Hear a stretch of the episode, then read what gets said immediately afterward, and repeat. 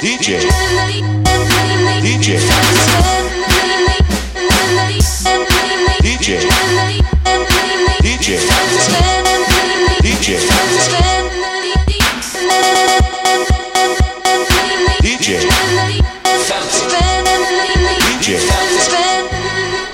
Ja, då kör vi igen. Det blir mer musikarkeologi från den oändliga vinylkyrkogården. Det här är avsnitt 46 av den eviga podcasten där en lycklig gäst får 50 spänn att köpa fem stycken begagnade vinylskivor för på en loppis.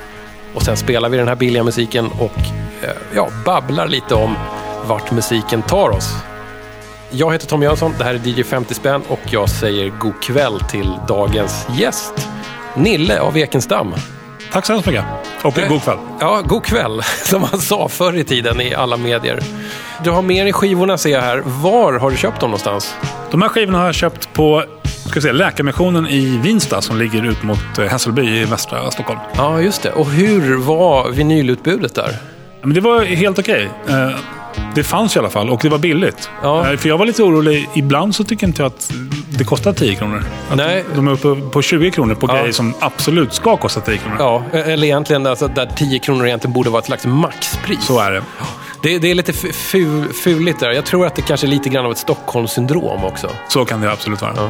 Du, innan vi spelar oss igenom din bunt av skräpvinyler från Vinsta så tänkte jag att vi pratar lite om dig först. Ja. Vem är du? Jag är 42 år gammal, kommer från Stockholm, jobbar som IT-konsult, är- musikintresserad. Jag tycker om att tramsa på Twitter så att en del av er som lyssnar på det här kanske känner igen mig därifrån, där jag finns under användarnamnet Nilrod.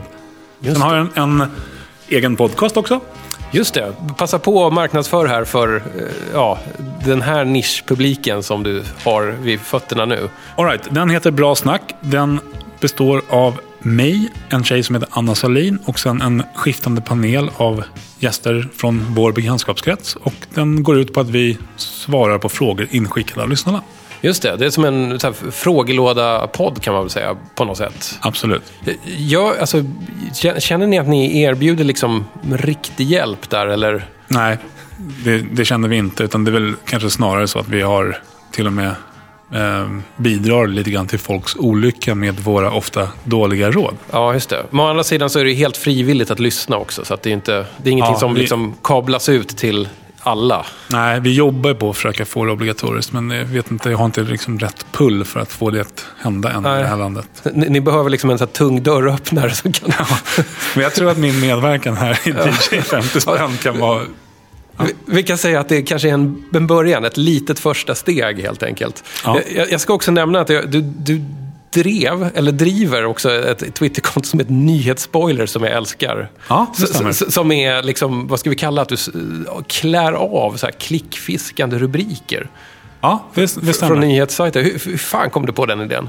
Eh, Det var ju inte min idé från början. Det fanns eh, när jag startade ett eh, konto som hette HuffPo Spoilers. Ah, Som okej. spoilade Huffington Ja, ja. Post, som Mm. tidningen heter. Och jag kände efter ett tag att fan, det här borde man göra på Mm. svenska grejer. Så jag satt och gjorde det där liksom, i, i det dolda.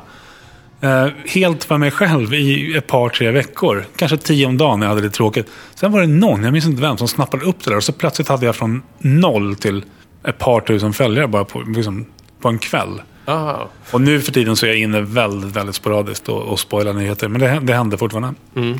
Ja. om vi ska liksom kategorisera dig som musikmänniska, vad, vad, vad är liksom din musik? Min musik är eh, musik från min ungdom. Eh, jag är född 1972. Och eh, fram till nu. Jag är otroligt usel på svensk musik. Men jag, eh, annars är jag ganska sådär att jag gillar precis vad som helst inom vilka genrer som helst. Jag lyssnar på rapmusik, jag lyssnar på housemusik, jag lyssnar väldigt gärna på eh, västkustmusik. Jag tycker mycket om eh, Balearica och den typen av musik. Dub. Ja. Ja, du vet. Balearica är så bra för att det är liksom också den mest här, vad ska man säga, elastiska genren någonsin. Ja, och, det är, och den är också väldigt så här, skivbacksplockarvänlig. Ja, verkligen, verkligen. Jag, har, jag har en väldigt diffus musikprofil. Hur, hur ser ditt förhållande ut då till liksom, eh, vad ska vi säga, loppisback-utbudet av musik? Det ser väl ut som så att jag är i ett eh, parförhållande sedan 18 år och eh, hen som jag eh, ingår i detta förhållande med tycker om att gå på loppisar. Eh, och då behöver jag fördriva tiden inne på dessa loppisar, vilket innebär att det blir en del hängande vid backar helt enkelt. Jag är mycket för att plocka ihop en hög med 20-30 skivor som jag sen bara låter stå. För att jag tröttnar. Nu ska vi gå. Och så, ja, okej, då kommer vi tillbaka och tar det sen. Ja, ja, ja. Men så den tid som jag tillbringar på loppis tillbringar jag vid eh, skivbackarna. Mm. Ja, men det är bra. Det, det, för, för min del är det så att jag kan inte gå förbi en 10 back utan att ändå kolla lite.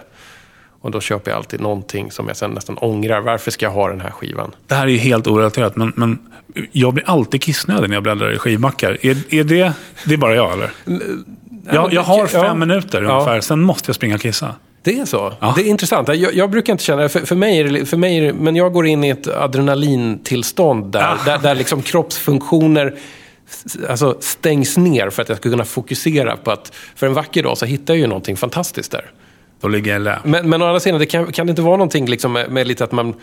Något rogivande i, i, i de böljande raderna med skivor, lite grann som när man tittar på eh, havet. Eller Jo, någonting. men jag, jag tror det. Absolut. Ja. Som, som rinnande vatten eller att ha en snäcka mot örat eller någonting. Det kliar fingrarna på mig nu. Jag, jag vill liksom eh, köra igång här med, med skivhögen. Vad sägs om att vi börjar med... Chansningen. Vad är det vi ser här på omslaget egentligen? Vi ser en man i sina bästa år. Han är inte i fokus på något sätt. Eh, Men jag tror inte heller att det är meningen att han ska vara ur fokus. Utan det är bara någon som har tagit en bild och den blev inte bättre än så här. Snapshot-estetik kanske då? Så kan det vara. Han är iklädd ett par jeans, ett par sneakers och en silvrig satängjacka tror jag. Han går på en stenig strand. Det ser ut att vara en risig dag, hösten. Man anar en gul sån här boj i bakgrunden. Och sen finns det inte så mycket mer att se. Nej, det är Och- ganska deppigt.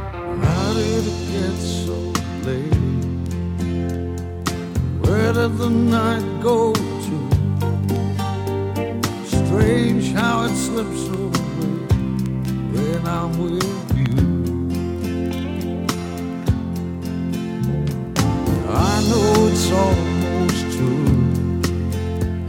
I know you should leave, but wait. I've thought it over. There's something I've got to say.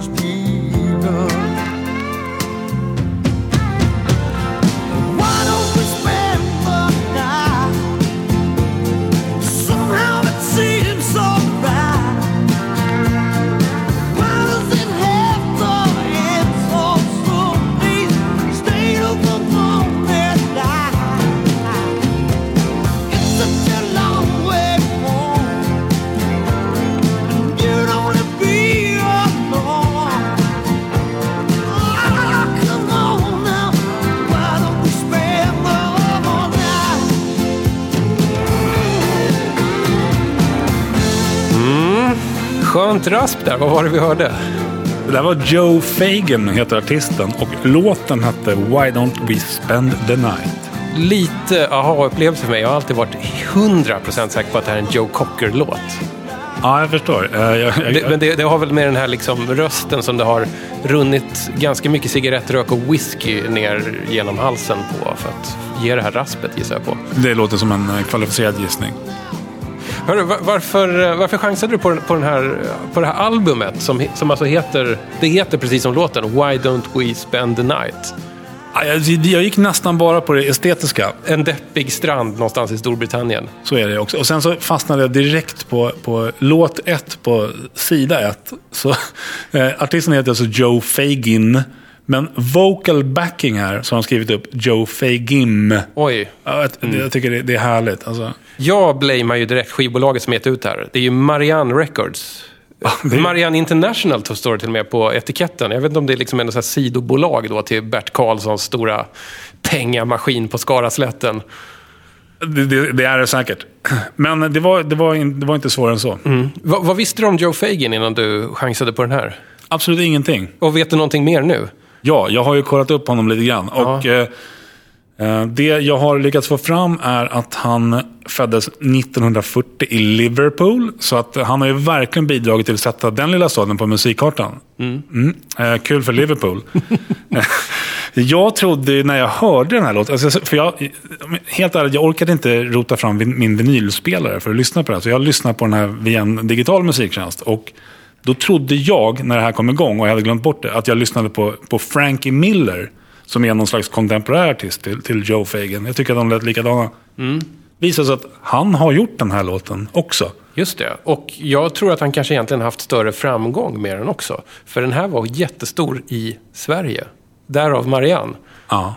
Eh, om jag fattade rätt när jag försökte undersöka det här så, så är ju liksom det här albumet som heter Why Don't We Spend the Night utgivet bara i Sverige. Eller i Skandinavien i alla fall. Och sen finns det en tysk upplaga som heter Cry for No One. Med samma låtar på, samma trista omslag. Ja, okej. Men det är liksom vad han har släppt i albumväg. Ja, men han, han, alltså, det, det fanns ju inte jättemycket att läsa om honom. Han verkar ha haft en ganska deppig karriär. Ja. Och har flera gånger återvänt till att vara liksom pubmusiker. Mm, Jag läste någon grej där han själv i en intervju berättade att han hade fått ett gig där han skulle sjunga och spela bas. Jag vet inte om du stötte på den här intervjun. Och eh, problemet var att han... Uh, sjunga var inget problem, men, men bas kunde han inte. Men han köpte en bas och lärde sig och, och fick det där jobbet. Tycker jag ändå en härlig, härlig inställning. en can-do-grej. Jag, jag lyckades bara liksom se att han hade, han verkar ha gjort väldigt mycket liksom, ja, han har jobbat på golvet i musikbranschen kan man väl säga. Det, det som jag ändå fastnade för är att han var i eh, Hamburg och spelade på så här rockklubbar ungefär samtidigt som Beatles och Jerry Williams. Men det hände liksom inte så mycket för det. Förresten, eh, när du var inne på Joe Cocker där. Så Ja. Den här låten som vi lyssnade på nu, den är skriven av Bob McDill från början. En låtskrivare från USA. Och han har skrivit låtar till Joe Cocker, lyckades jag kolla upp. Så det finns, det finns något mer där förutom den raspiga whiskyrösten. Men då tänker jag direkt att Joe Cocker ratade den här och kickade den vidare så plockades den upp i Storbritannien av Joe Fagin. Mycket, mycket möjligt. Och sen så har den här gjorts i en, svensk version av dansbandet eh, Tonix. Åh, och vad heter den då? Stanna med mig i natt. Ja, det hör man ju nästan. Det går ju lätt att sjunga till det här. Absolut. Och det här var ju lite dansbandigt, var det inte det? Jo, jag, jag lyssnade på den versionen på vägen hit och den är väldigt snarlik den här. Alltså det är inte mycket mer så dansbandsblås, utan den låter ungefär så här. Men du, jag, jag tyckte ändå att det var någonting lite härligt med det här. Jag, jag försöker liksom rannsaka mig själv om det bara är liksom så här nostalgi, att, man bara, att det bara kickar in för att man har hört det här tusen gånger på en bilradio när man var liten. Eller om det är genuint bra. Ja, det är, det är väldigt svårt att säga. Men, men det här skulle ju precis lika gärna kunna vara en, en gatu, alltså trubadur i Gamla stan som säljer sitt eget kassettband. Känner jag. Alltså den håller ju den verkshöjden. Har du hittat någonting mer intressant om Joe Fagin? Till exempel, vad gör han idag?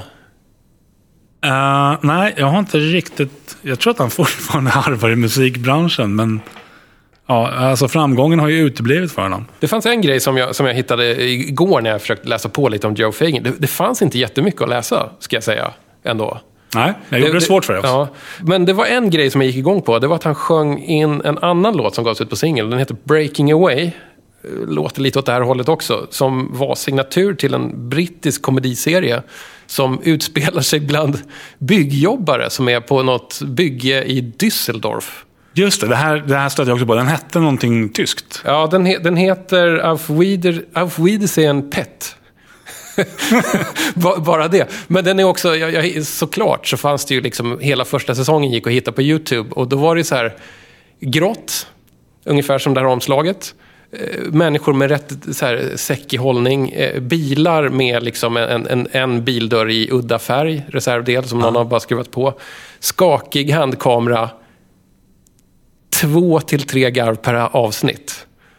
Ja, Det låter ju värt att kolla upp. Och då Riktigt. blev jag lite glad att man hade nästan, alltså att tack vare Joe Fagin och Marianne så fick man tips på en sån här, du vet, härligt trist, grådassig, hopplös brittisk komediserie.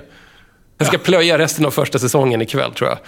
Ja, men det, jag tror att det är ungefär... Alltså det, vi, har, vi har nog fått ut mer eh, än vad jag förväntade av den här skivan redan nu. Jag trodde att det skulle vara lite som att försöka krama vatten ur en gråsten. Tack så mycket Joe Fagin. Jag hoppas att det går bra för dig någonstans ute i världen. Tack, Joe. Ska vi hoppa vidare till nästa kategori? Låt oss. Nostalgiköpet.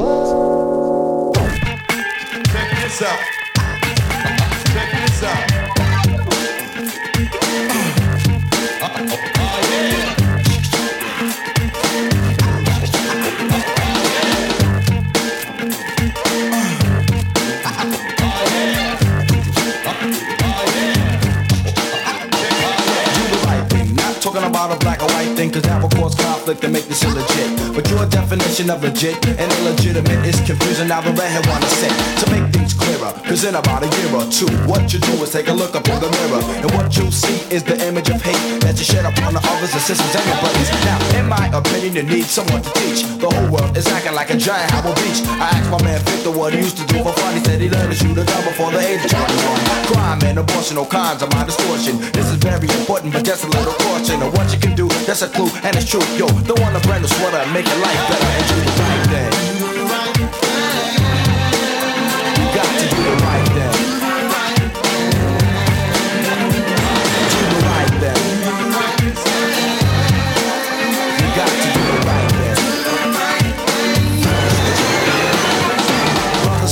And dealing and big wheeling. And to a younger mind, that stuff is appealing. So what do they do? They gather up a crew, go out and steal a rob instead of getting a job. Now your mother tried to bring you up better than that.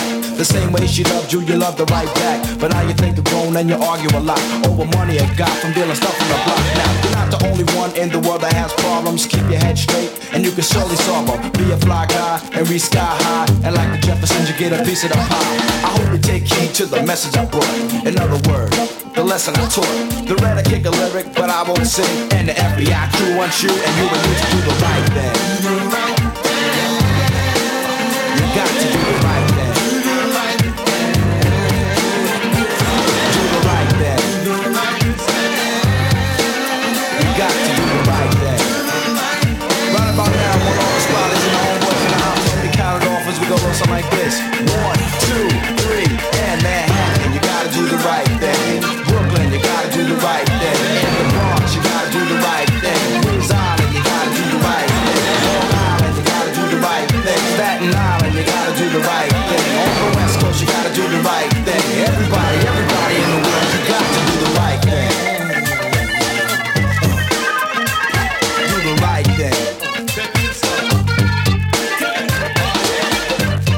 Nille, vill du berätta vad det är vi hör för någonting? Låten vi lyssnade på hette Do the right thing. Framförd av gruppen Redhead Kingpin and the FBI. Just det, och det här var ett eh, oborstat ex som ni kanske hörde. Jag lät dammet ligga kvar här för det extra textur. Jag misstänker att det kanske redan fanns liksom lite så här samplat skrap på den här redan innan. Jag, undrar, jag tror faktiskt också att du kan ha rätt. Ja, det- den Lifted, är inte den lite skrapig? Ja, Jag tror, jag tror nästan också, alltså, den, den här är också från 89. Jag har för mig att det var inte det jävligt coolt att ha så här lite extra vinylknaster på musik då? Det är det ju fortfarande. Ja, det är det kanske. Men, men an- annars satt jag faktiskt och funderade på att det var, liksom, det var ganska mycket, vad ska vi kalla det, liksom tidsmarkörer här. Ett litet synt-solo i den funkiga stilen i slutet och sådana där saker. Men i början eh, så är det lite så här prat. Och det är ju samplat från en, en live-grej med, med Run DMC. Undrar om du kan ha fått med alltså, att knastret kommer från den. För att då kan det vara. säkert den ett, ytterligare ett par år tidigare. Och då var det ju verkligen populärt med knaster. Varför är det här ditt nostalgiköp? Eh, ja, alltså dels så var ju utbudet begränsat. Men sen så tyckte jag då att det här var en, en jäkligt härlig låt. Och jag tycker faktiskt det fortfarande, kände jag nu när jag hörde den. Att ja, det var ett bra val. Nu, nu gick vi ju bara på den här låten och det var ett helt, det är ett helt album. Det finns ett par spår till på den här som kanske håller. Jag vet inte, jag har inte hunnit lyssna på dem. Men eh, jag blev glad att höra den. Vi- Vilka var hitsen från den här skivan? Du får nästan påminna mig eftersom det är liksom från... Ehm, ja, det här var väl den stora hitten, i alla fall i Sverige. Sen så är det en låt som heter Pump It Hardy. Just det, just det, just det. Eh, We Rock the Mic Right tror jag också kan ha varit någon slags Ja, just det. eh, mini-hit. Sen... Jag ser att de tre, inklusive den vi spelade nu, ligger liksom 1, 2, 3 på sida 1 här. Så jag tror att det kan Aha, vara så att de maxade liksom allt bra i början och tänkte att det är väl ingen som orkar vända på skivan ändå. Så kan det absolut vara. Sen så måste jag erkänna att jag trodde att det var Redhead, Kingpin and the FBI. Men det är alltså Redhead, Kingpin and the FBI. Och FBI, de är jättemånga. ja, Det är, det är liksom nästan som den federala polisen. Jag vet, vi har inte riktigt... De är väl en eh, fem stycken, vilket är ganska mycket för att vara liksom hiphop, rb akter av den här typen. Vad gör alla i det FBI? Bra fråga. Eh, För att, om- jag läste ju på lite grann och han, Redhead Kingpin, han rappade ju och spelade keyboard. Det är ändå en ganska stor del av, Mhm. det den här, ja. låten. Ja. För resten är ju ganska mycket samplingar. så um, ja, risken finns att de inte hade jättemycket att göra. De FBI. kanske var jävligt snygga då.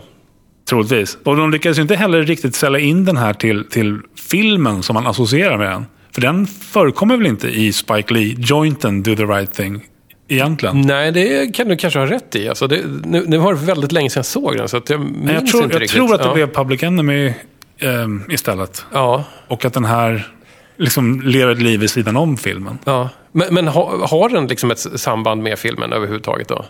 Ja, men herregud, de kommer ju exakt samtidigt. Ja, jo, jag, jag vet. Men jag menar, är, är, det, är det här dagens andra liksom ratning i DJ 50 spänn? Det, här, det här önskar man att man hade kollat upp. Men, Ja, men jag, jag, jag tycker vi kan dra till med att det är så. Eller ska vi köra Google-paus här? Google-paus.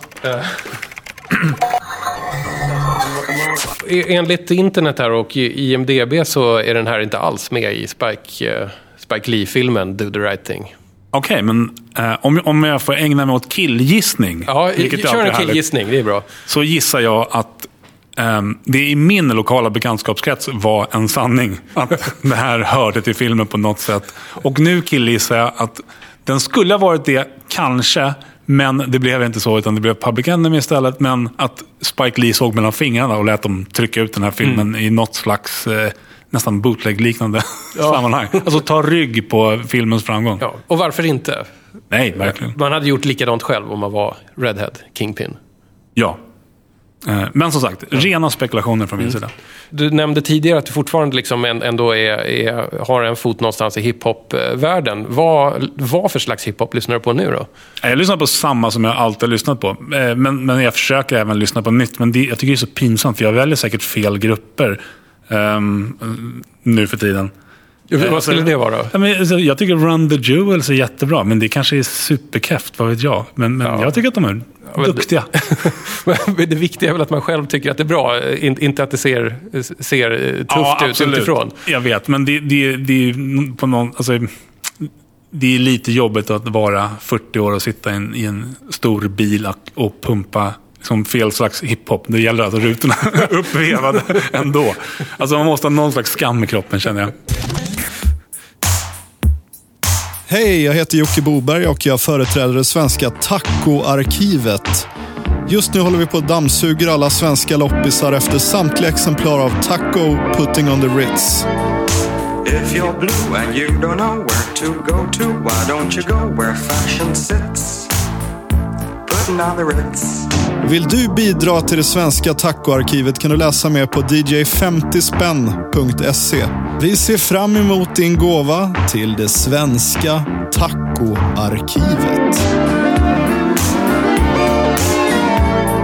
Ja, det var ett litet sånt här VMA, viktigt meddelande till allmänheten från Jocke Boberg som har varit en tidigare gäst i det här och en allmän ljudterrorist. Jag har ingen aning om vad han ska göra med alla tacosinglarna. Spännande. Hoppas han bygger något stort. Skivbörsklassikern. Och vilken klassiker du har plockat alltså. Ja, vad, Oj, vad oj, kul oj, att du blev så glad. Ja, jag, jag, jag är så lycklig att du tog det här som ditt uppdrag att, att ta den här. Alltså, jag, och jag kan fortfarande inte fatta att det tog liksom 46 avsnitt innan den här filuren toppade upp i DJ 50 spänn.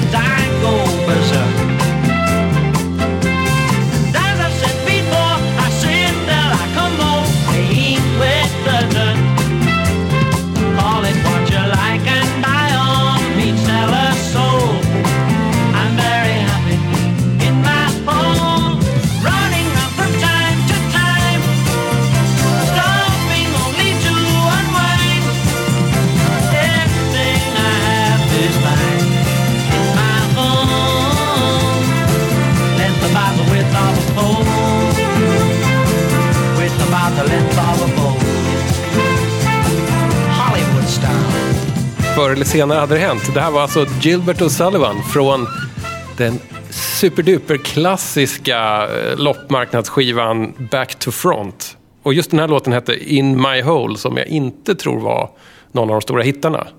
Ja, jag, jag har aldrig hört den tidigare. Nej. Hörru, du, nu, nu måste vi prata lite om Gilbert O'Sullivan. Det, det är så här, alltså, äh, så, så länge jag har kollat liksom bland billiga loppisskivor så jag, jag tror aldrig jag har sett en skivback utan minst två Gilbert O'Sullivan-skivor. Hur jävla enorm var han och hur kan en artist bara försvinna så mycket? Al- Alltså de måste ha lagt till en nolla på pressen för Sverige. Alltså, för, precis som du säger, jag har också alltid sprungit in i Gilbert och Sullivan i, i skivbackarna. Det är den man använder liksom som avgränsare. Ja, men man lite så, Lyfta, Precis. Man gömmer bra skivor bakom honom. Ja, ja men så är det. det, det, det är någon som kallade det för liksom solskiva. Man ställer det längst fram i, i, i backen i ett rum där solen kan skina in. Så skyddas de andra omslagen där. Det blir lite blekta, men den här liksom, den kan man... Ja, det är bara att hämta en ny på närmsta, på närmsta loppis om det skulle behövas. Ja, precis. Och jag köpte två ex av den där. För att, nu tog jag bara med mig men för att visa att det faktiskt fanns. Du köpte två alltså? Ja, jag köpte två.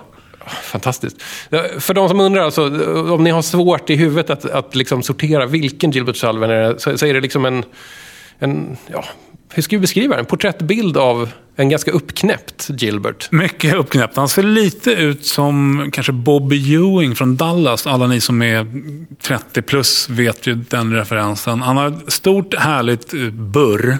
Tidigt 70-tal. En hårig bringa. En kedja med någon slags berlock. Den hänger långt ner. Alltså vi snackar närmare navel än, än bröstvårtor. Och eh, ja, det är inte så mycket mer att säga. Nej, jag tycker bilden signalerar lite, här ska det liggas. Men det, det kanske bara är min fantasi. Ah, men det, det, det ska det nog. Det både ha och skas. Det, det är mellanligg helt enkelt. Jag har ingen relation egentligen till Gilbert O'Sullivan. Jag, jag kan en låt sedan tidigare.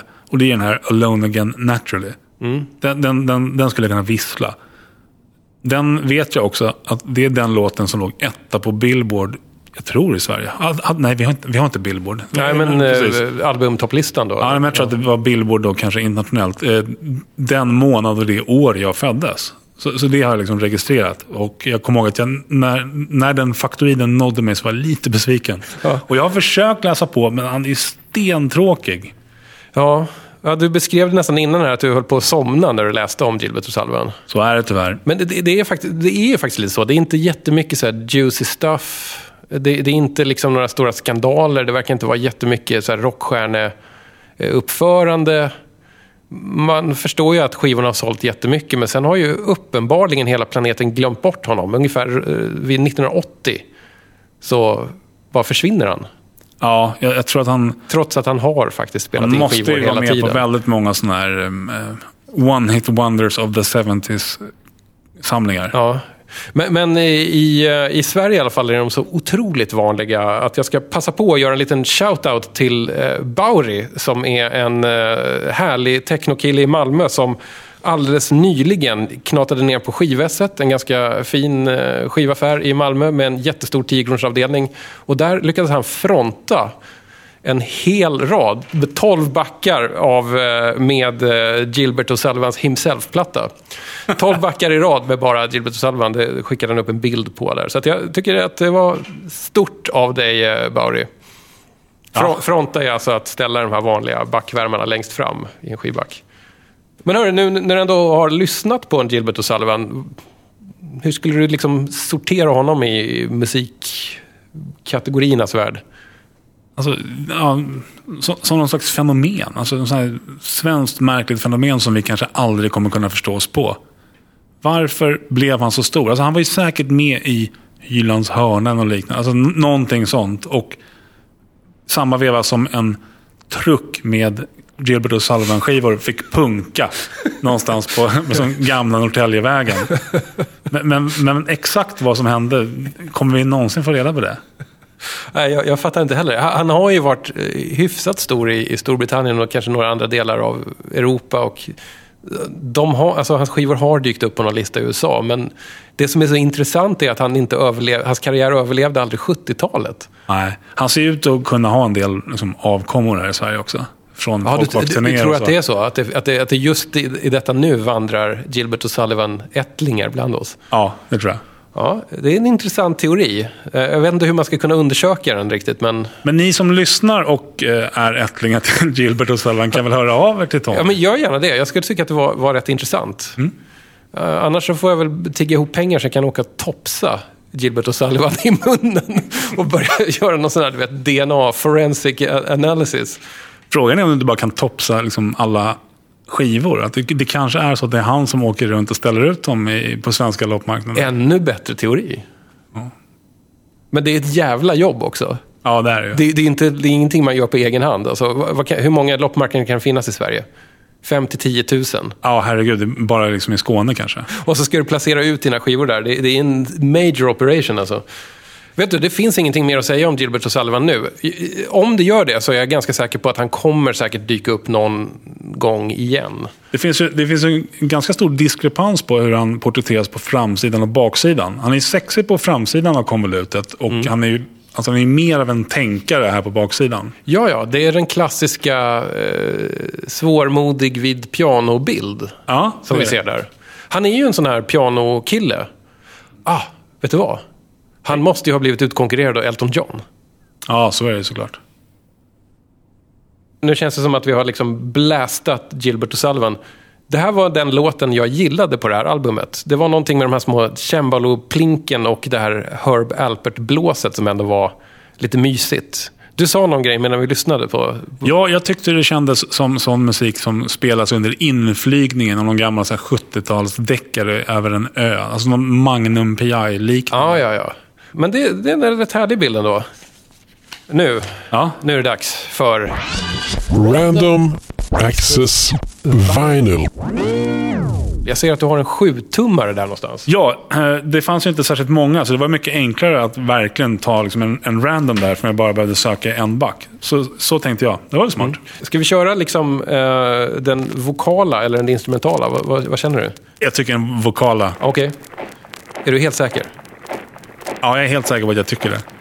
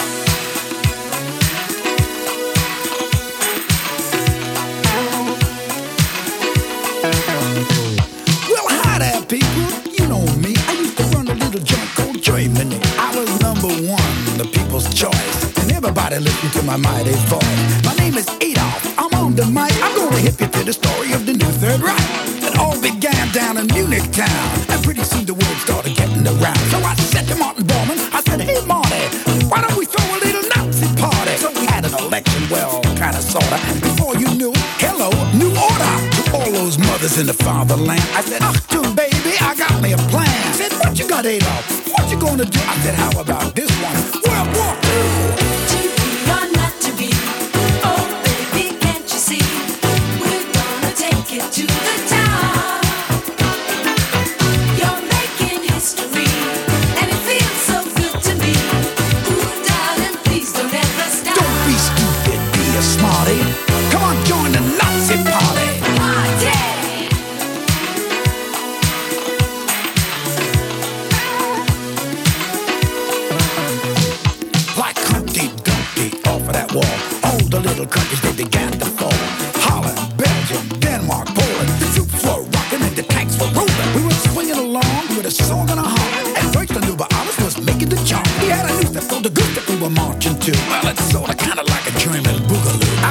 I was getting what I wanted, but it wasn't enough. So I called the boys. I said, boys, get down. Now I surrounded myself with some unusual cats. There were skinny little girls and gory Mr. Fat.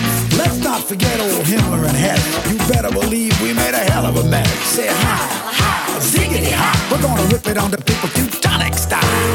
To be or not to be, oh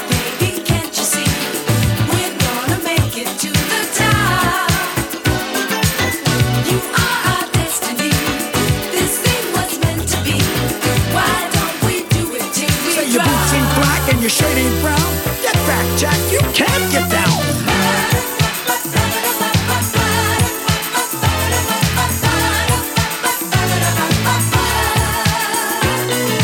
Ja, vad ska man säga? Eh, vad var det här? Det här var Mel Brooks, alltså filmskaparen och musikalskaparen, med låten To Be or Not To Be, även känd som The Hitler Rap. Ja, det är ju ett koncept bara där. Hitler-rap. Ja, det är det. Hur, hur känns det att höra det här idag, 2015? Det känns jättekonstigt. Um, framförallt är det konstigt, för jag tror inte man hade kunnat göra den här idag överhuvudtaget. Och dessutom så var det lite av en framgångssaga, för, för den här var aldrig med i, i filmen Det våras för Hitler. Nej, just det. Men hade ändå, jag menar, du har ju hört den här tidigare. Ja, ja, absolut. Det, är är inte det jättekonstigt? Varför har vi hört den här? Den är inte... Nej, men alltså, det, det enda svaret jag kan ge på det är att det förmodligen spelades på radio. Ja. Där, vi kör en kul låt. Precis. Mel Brooks rappar, vad kan gå fel? Han, var, han var ju stor. Ja. Liksom, Men, men är det inte så att den här, alltså, Det våras för Hitler, The Producers, den är ju ganska gammal. Alltså, att, att det kom en film någonstans där på 80-talet med Mel Brooks som hette Det våras för Hamlet på svenska. jag för mig att det var så att i, i The Producers, filmen, den gamla, så gjorde de filmen To be or not to be. Eller nej, nej, Springtime for Hitler. Spring, ja, exakt, exakt. Så, eller? Ja, jo, precis. Det är ju en slug plan där. Att det är ett försäkringsbedrägeri för en, Just det. för, för, en Hitler-musikal. Ja. Och så går det mycket bättre än vad de har tänkt sig. Just det, jag minns inte riktigt handlingen. Det, men, men, men i den filmen så är det faktiskt i alla fall en line från den här Hitler-rappen som är där. eh, don't, Don't be stupid, be a smarty. Den drar de. Och Ah, okej. sen fortsättningen där är, är det någon annan SS-officer som rappar. I I, was born in Dusseldorf and that is why they call me Rolf. Men det är en snygg eh, liksom, eh, tvättäkta hiphop-callback. ja, men verkligen. Inte helt otippat så var den här låten bannlyst i Tyskland. Ah, Eh, sen så, eh, jag, jag ville se den här videon igen, så jag gick in på YouTube och eh, kollade. Och så gjorde jag misstaget att kolla, kolla videokommentarer. Jag hittade en liten guldkorn som jag tog mig friheten att översätta. Okej. Så här skrev det. Rap uppfanns av Hitler. Kolla bara på något av hans tal och se hur han gestikulerar med händerna och hur han spottar ur sig orden. Jämför det med dagens rapmusikvideor och hur moderna rappare rör sig när de rappar. Hans tal, eller, och nu gör jag citationstecken i, i luften, låtar, har till och med liknande budskap som dagens rapmusik. Rappare pratar om sex, droger och att döda rivaliserande gäng och polisen, precis som Hitler. Det är Kelvin Wu som skriver. Ja, sådana guldkorn kan man hitta. Ehm, har, vi, har vi konstaterat att den här låten inte är med i filmen? Gjorde vi det när vi lyssnade på Ja, vi, har, vi har konstaterat att den inte är med i The Wars för Hitler Ja, just det, så, så mycket. För, för den är från 68 eller något sånt där. Och då, hur man än räknar, tror jag inte liksom att den här typen av musik riktigt fanns. Ah, så kan det vara. Just det. Så den här kom helt... Det här är bara en låt. Och en video. En, en, det, här, det, här, det här är ju... Jag vet du vad? Internetpaus. Ja. Måste, det, det, är, det, är något, det är något jättefishy med det här. Han har alltså fått en, ett infall. All right. Jag, jag, jag, ty- jag tyckte att det var konstigt att de här historierna adderas inte upp. Men så här är det. 1983 så kom det en Mel Brooks-film som hette To be or not to be. På svenska heter den då Det våras för Hamlet. Det handlar om en Hamlet-uppsättning under, någon- under nazitiden. Mel Brooks spelar en teaterdirektör. Eh, lite osäkert fortfarande om den här låten faktiskt hörs i filmen, men singeln släpptes i anslutning till det. Så det kanske är för att marknadsföra filmen på något sätt. Alltså Ja. det våras för Hamlet och inte det våras för Hitler. Ja, en annan grej som jag reagerade över det är att eh, som, de historiska referenserna i den här låten, vid namn och platser och sånt där, de är alla ganska, ganska korrekta. Eh, Men den avslutar med att nu drar jag till Argentina. Ja, För den här är ju framförd som Hitler. Just det. Så han eh, lanserar, eller lanserar, men han, hakar ju på den konspirationsteorin det sista han gör i alla fall. Va, vad tycker du om Mel Brooks annars? Ja, men jag, jag är för Mel Brooks, absolut. Jag har lyssnat på en del intervjuer och så här, jag vet att Mark Maron gjorde någon. Så här. Alltså, han verkar leva ett superhärligt liv. Han träffar samma kompisar varje kväll. De grillar. Jag tror att hans fru har gått bort eller något sånt där. Ja, det Så han, ja, han, han, han hänger med sina kompisar och eh, alltså, what's not to like? Ja, precis. Verkar en härlig farbror. Har vi någonting mer att säga om, om den här märkliga Hitler-singeln? Så jävla illa rappat var det inte. Alltså för, för sin genre och för sin tid eh, har jag hört mycket, mycket sämre än det här.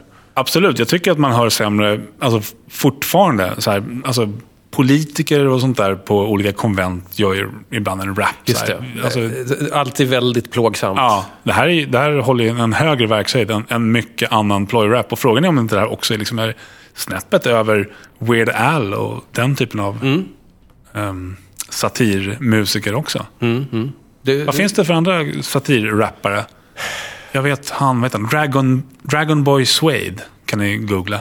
det, vi har faktiskt bara en, en skiva kvar Just det. för dagen. Fyndet.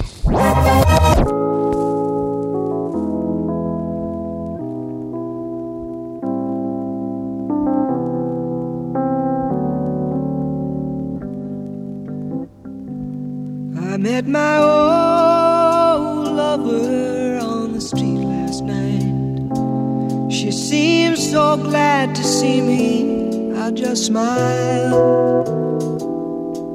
And we talked about some old times and we drank ourselves some beers. Still crazy after all these years. Oh, still crazy after all these years.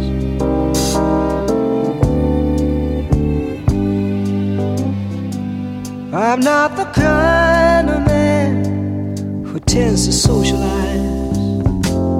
I seem to lean on old familiar ways. And I ain't no fool for love songs that whisper in my ears. Still crazy after all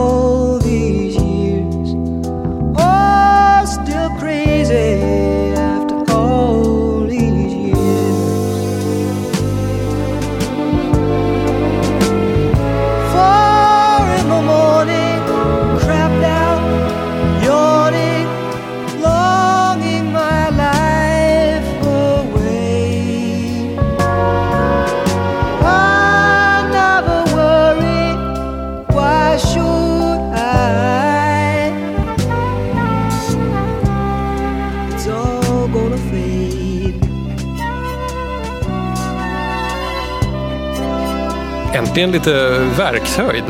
Ja, Nästan onödigt, men vi avar den här låten i alla fall. vi hörde eh, Paul Simon, Still Crazy After All These Years. Eh, låten, men så heter även det här albumet. Precis, där, Paul Simon poserar på en sån här, vad heter det, fire escape, en sån här brandtrappa någonstans. Och Ja. se- ser, ser ut lite som att han ska eh, jobba i en gruva i Australien och, och gräva fram så här onyxstenar eller någonting. Han är en riktig Indiana Jones-filthatt han har dragit på sig. Ja, verkligen. Det är en Loffe Karlsson-mustasch också. Jag gillar. Jag, I approve. Ja, det är en bra look. Eller vänta, mer samtida referens. Det är en Kalle Wahlström-Zackari-mustasch. Ja. Och, och frågan är om inte jeansen, alltså om han drog upp dem lite mer. Så, så hade han sjungit på ett annat sätt. Precis. Varför är det fyndet? Ja, men, eh, det, är- alltså, jag gillar Paul Simon. Jag tycker att han har en jättehärlig röst. Och det finns eh, bra låtar på den här skivan. Sen så är det också så att den här skivan är sandfärgad. Och det finns många bra skivor som är sandfärgade. Ja, du har hittat ett mönster här. Ja. Vi- Vilka andra sandfärgade skivor Jag tänkte du på nu? Neil Young Harvest. Mm. Eh, Yankee Hotel Foxtrot, Wilco, sandfärgad. For Every Man, Jackson Brown, bra skiva, sandfärgad. Eh, Whitney Houstons debutskiva, tror att den hette Whitney Houston. Ja, just Också det. Ja, mm. ja, jag, jag, jag är med dig här. Det, det, det, du har ju sett ett mönster som, som jag aldrig har funderat på ens. Ja, men det är fler. Alltså Beastie Boys, Can't Buy a Thrill kan man tycka är sandfärgad. Ja. Så att, eh, ja, jag, jag, jag lanserar här med den, den teorin. Sandfärgade Har, album. har du, mycket, har, har du liksom en sandfärgad sektion hemma bland skivor? Ja, men jag gick ju idag för, för att understödja den här tesen med, med de här exemplen så gick jag och fingrade lite och kollade. Och jag tyckte att jag hittade betydligt fler som var bra än, än som var dåliga. Ja, just det. Då undrar man ju såklart vil, vilken, eh, vilken färg på omslaget som, som betyder dålig skiva. Ja, vad har vi här på um, Gilbert O'Sullivan? Ja, det var någon slags grå ram på den. Så var det ja, just det. Det värsta är att jag, jag undrar om inte Gilbert O'Sullivans himself är lite sandfärgat. Ja. Men den kanske är bra. Jag ska, jag ska ju inte säga att jag har lyssnat igenom den i sin helhet någonsin. Jag har inte gett den en chans. Nej, Ja. Men du, är det här din favorit eh, Paul Simon? Mm, Det här nej. är liksom mitten på 70-talet Paul Simon. det vet jag inte. Jag, alltså, jag har väl kanske ingen... Jag gillar ju den här eh, heter det, musikalen han gjorde, Vampires. Eh, där han är lite så här latino quarters Paul Simon. Jag, bara, jag vet inte riktigt varför, men jag tycker, jag tycker den är rolig. Heter den Vampires? Har det den va? Ja, jag tror det. Den, den gillar jag mycket. Och sen så ehm, gillar jag när han är lite så här spexig. Eh, alltså, eh, för han är, jag, jag tror att Paul Simon, jag inbillar mig att han, han har någon slags fobi för att ses som tråkig. För han är nog rätt tråkig. Så han har gjort dels den här You can call me Al. Ja, ja som är- precis. Den är ju rolig. Ja, det, men det är roligt också på, på, alltså, som spexeri-rolig. Ja, liksom. absolut, precis. Ja. Den, den, den är rolig på, på flera sätt. Sen så gjorde han ju den här låten som vi just hörde. Den framförde han ju i, i eh, Sad Night Live. Iförd full kalkonmundering. Eh, körde de första, liksom, han körde kanske en, en och en halv minut på den. Och sen så stormar han av scenen eh, ut i kulisserna och har där någon slags... Eh, för Först har han en liten monolog om att det här var en dålig idé och att han känner sig oseriös och liknande. Så han stormar ut i kulisserna och blir stoppad av Lorne Michaels. Som går med på att liksom, det är okej, du kan dra om du kan gå igenom den där dörren i den här stora kalkon, äh, kalkonstimen. Det är roligt. Ja, ja, visst. och, och, och jag, jag minns det här så väl, för han pratar exakt som grodan Kermit. Med samma, samma röst och samma liksom deppiga tonläge.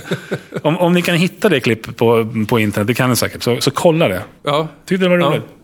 T- Tummen upp för, för den, den, den spexiga Paul Simon alltså. Ja. Jag har faktiskt ärligt talat inte en så superdjup relation till Paul Simon. Det här är liksom, känns lite som nyheter för mig. Jag, jag, jag är liksom lite nöjd med att, alltså, att jag gillar typ Graceland. Sen har jag aldrig kollat så mycket djupare in i hans låtkatalog. Ja. Varför vet jag inte. Men, men eh, var du såg honom nyligen i Nej. Stockholm? Nej. Det var jag inte. Jag, För, för det var väl lite grann av en sån här, eh, vad ska man säga, att ta det goda med det onda grej. Att han uppträdde tillsammans med Sting. mm, exakt så. Som också då i då och då ger sig ut på ganska snåriga tredje världen-utflykter. Just det. Ja, det där har de ju verkligen gemensamt. Så de, har, de har ju funnits varandra. Men jag har aldrig riktigt sett Stings roliga sida dock. Har han någon?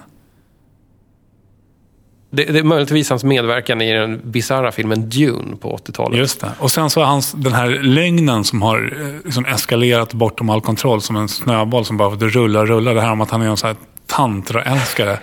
Jag Just läste det. nyligen hans... Han dementerade det, Ja, va? hans fru dementerade det här. Att det var någonting han hade sagt för liksom 10-15 år sedan i en intervju när han, vet, syret började dra slut i rummet. Ja. Och det där fastnade så jävla hårt så att det har blivit... Alla liksom- ville ja. att det skulle vara så. Ja. Hur fan hamnade vi här egentligen? Eh, Stings, de- de- de spelade ju eh, ihop i Stockholm Just det, just det, det. Men hör du, du spelar ju skivor fortfarande lite då och då. Ja, väldigt Alltså i, i offentligheten. Ja. Vad DJar du för någonting då? Ja, I princip musak. I princip musak. Det här, Ja. det här älskar jag. Vad, vad är en bra musak eh, nu Nej, för tiden? jag inte. Jag, alltså jag spelar bara väldigt snäll musik i hotellbarer, sånt som inte stör. Och jag...